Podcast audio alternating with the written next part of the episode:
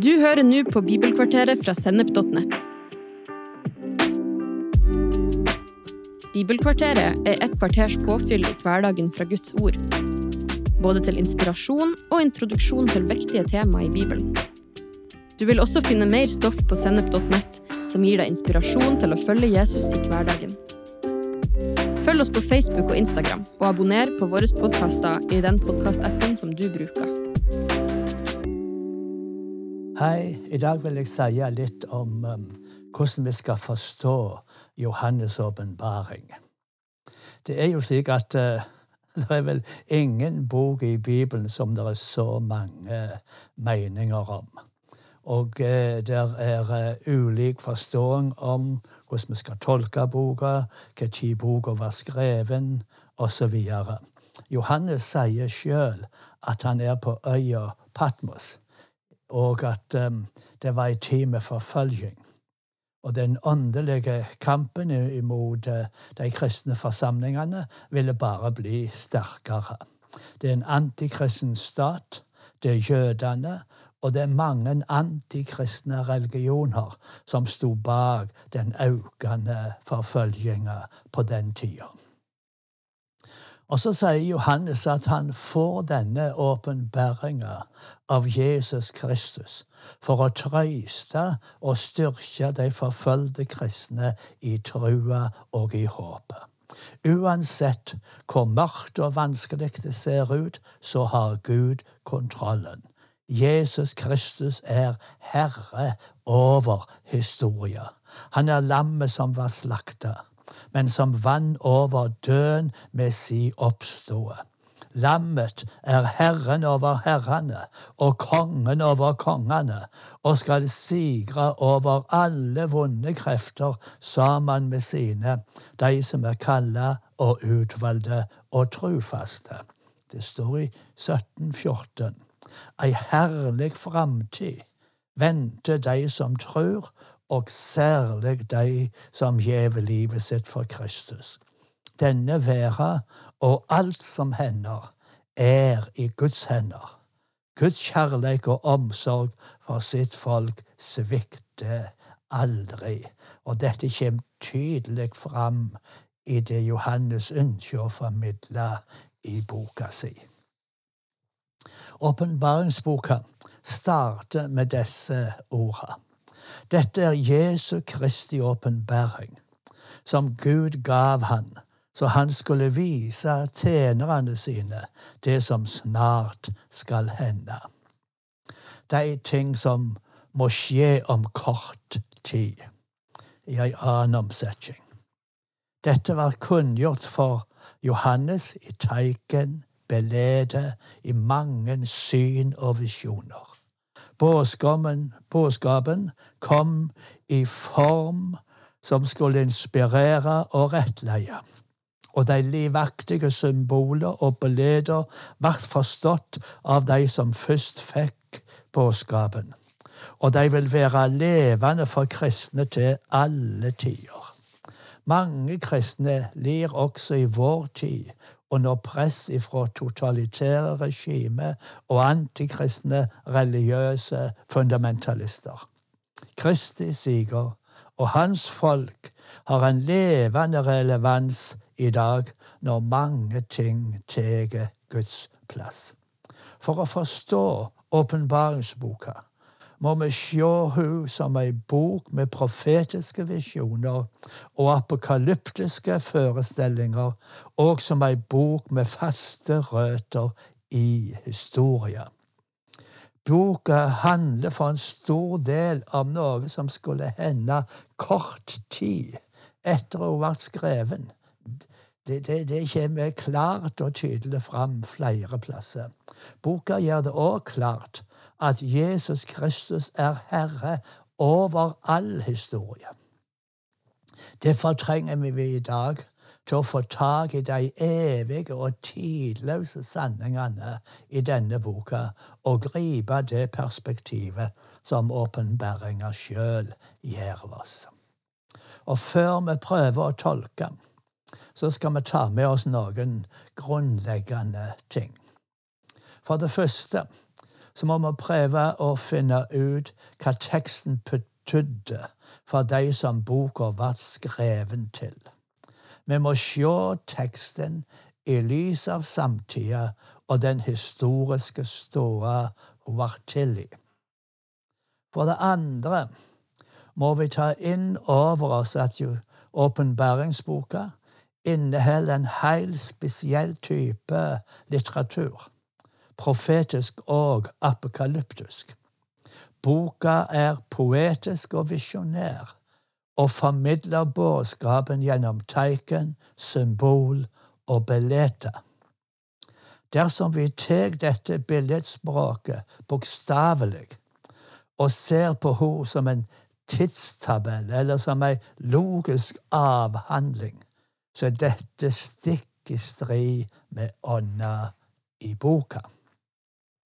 For det tredje så må vi huske at åpenbæringsboka har sin rot i de profetiske skriftene i Det gamle testamentet. Det er der vi finner nøklene til å forstå billedspråket i boka. Særlig vil bøkene til profetene Esekiel og Daniel hjelpe oss i denne forståinga. For det fjerde det er det viktig at vi alltid forstår uklare eller dunkle avsnitt i lys av de avsnitter som er klart forståelige, og ikke omvendt. For det femte må vi være oppmerksomme på at visjonene eller hendingene i åpenbaringsboka ikke er kronologiske, der den ene følger etter den andre. Verken den hebraiske tankegangen generelt eller de første læresveinene sin måte å tenke på hadde de hadde ikke den samme tendensen som oss til å tenke kronologisk. Ingen annen bok i Bibelen har så mange ulike tolkinger som Johannes' åpenbaring. Og jeg vil prøve å gjøre det litt enkelt og si at det er tre grunnholdninger mellom kristne som farger tolkinga av denne boka. Det er ei futuristisk, idealistisk og preteristisk tilnærming. Nå skal vi se litt nærere på disse ulike måtene å tolke boka på. La oss se på ei, futuristisk tilnærming. Det ligger i dette uttrykket futuristisk at det hører framtida til. Folk med futuristisk tilnærming har en tendens til å tro at alle profetiene som ikke direkte er knyttet til Jesu død og oppstå, de handler om framtida vår. De settes i egen samtid i sentrum for oppfylling av profetordet, og bruker naturkatastrofer, politiske hendinger til teiken som slår fast at enden er nær.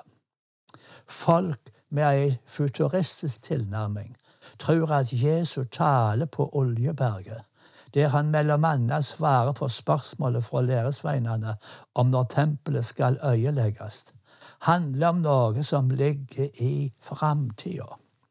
Opp gjennom åra har det kommet mange fantasifulle forklaringer og spådommer som ikke har slått til.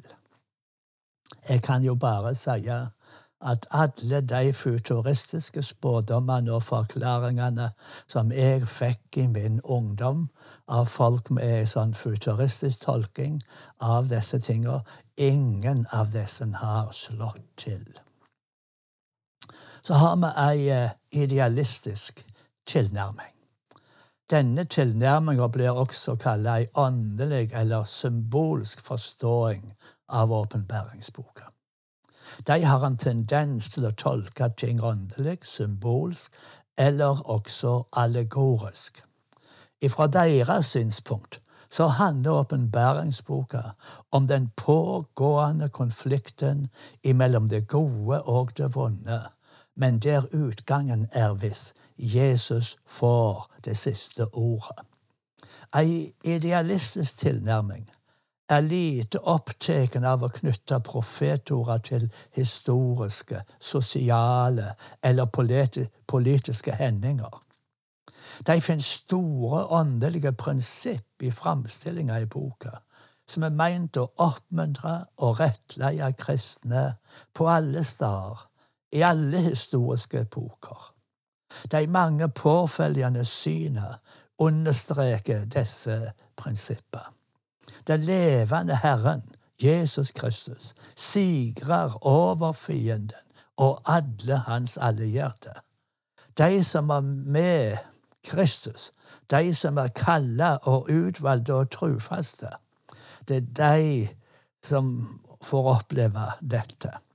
Dette åpenbærer Gud som den suverene herskeren og dommeren over hele det kosmiske skaperverket, hele universet. Rett og rettferd vil til slutt komme i stedet for synd og urett. Verdenshistoria går gjennom tragedie og kaos fram imot en ny himmel og en ny jord der rettferd bor. Denne idealistiske tilnærminga går tilbake til kirkefedrene i Alexandria, særlig Clemens og Origenes. Og det amillennialistiske synet som Augustin og, og, og andre setter ord på, er ei videreføring av denne forståinga. Og dette har vært det dominerende synet i alle store historiske kirkesamfunn. La oss se på ei preteristisk tilnærming. Jødene har fremdeles ei futuristisk forståing av profetiene om Messias i Det gamle testamentet. Derfor venter de fremdeles på at Messias skal komme.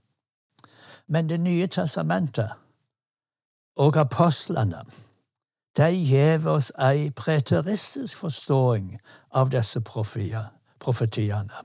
For de sier Messias har kommet. Profetiene er oppfylt. Folk med ei preteristisk tilnærming ønsker å ta historia på alvor og se den historiske sammenhengen profetordet og åpenbæringsboka har kommet i og blitt oppfylt i. Derfor blir dette synet også kalt den samtidig historiske tolkinga.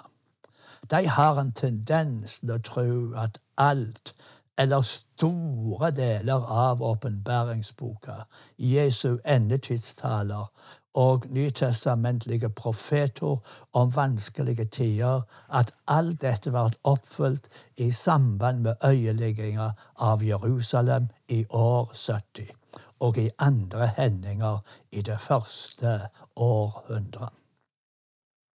Ei preteristisk forståing legger vekt på at åpenbæringsboka var skreven til virkelige kirker, som kjempa med mange utfordringer i det første århundret. De vil legge vekt på de ordene som sier at tida er nær, at tida for oppfylling har kommet, og at boka profeterer om ei nær framtid for de som boka ble skreven til. Boka handler om forfølging av kristne, sett i verk av dyret, som ofte blir forstått som keiser Nero eller Domitian, og som holdt fram i det romerske styret, kalla for Babylon. I deres forståing hadde boka to grunnleggende ting hun ville formidle til de kristne forsamlingene hun var skreven til. For det første ville boka oppmuntre og stålsette den første kristne kirke, slik at hun kunne stå fast og holde ut i stormen av forfølging som var i ferd med å bygge seg opp.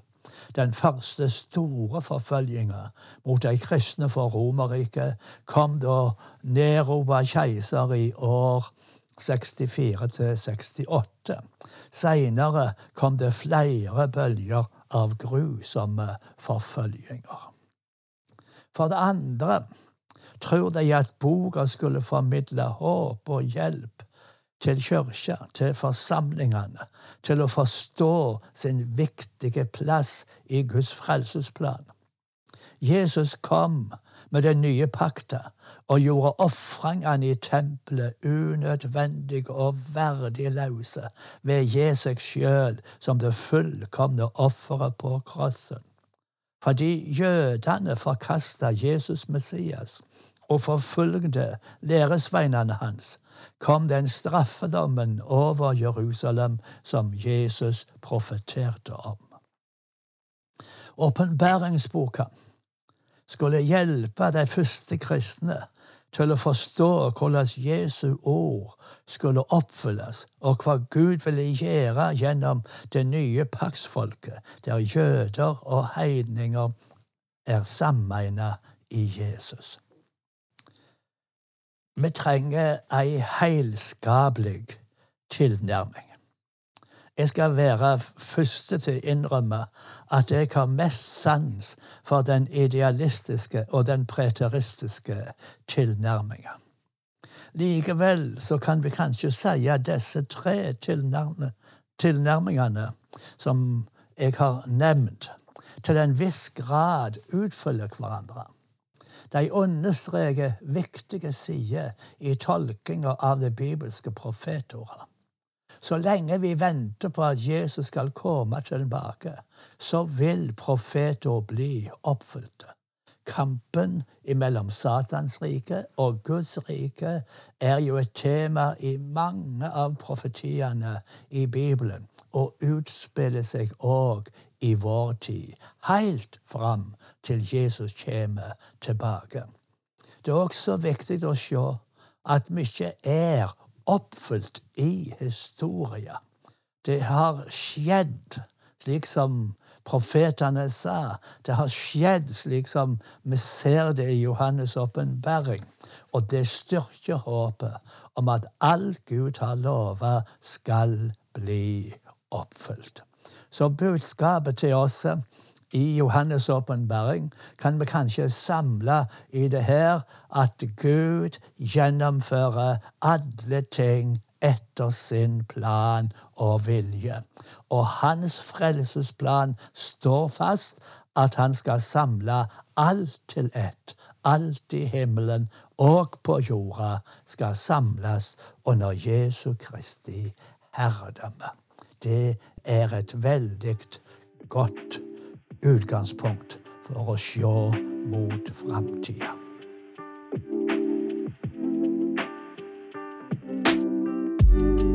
Du har nå hørt en episode fra Bibelkvarteret på sennep.nett.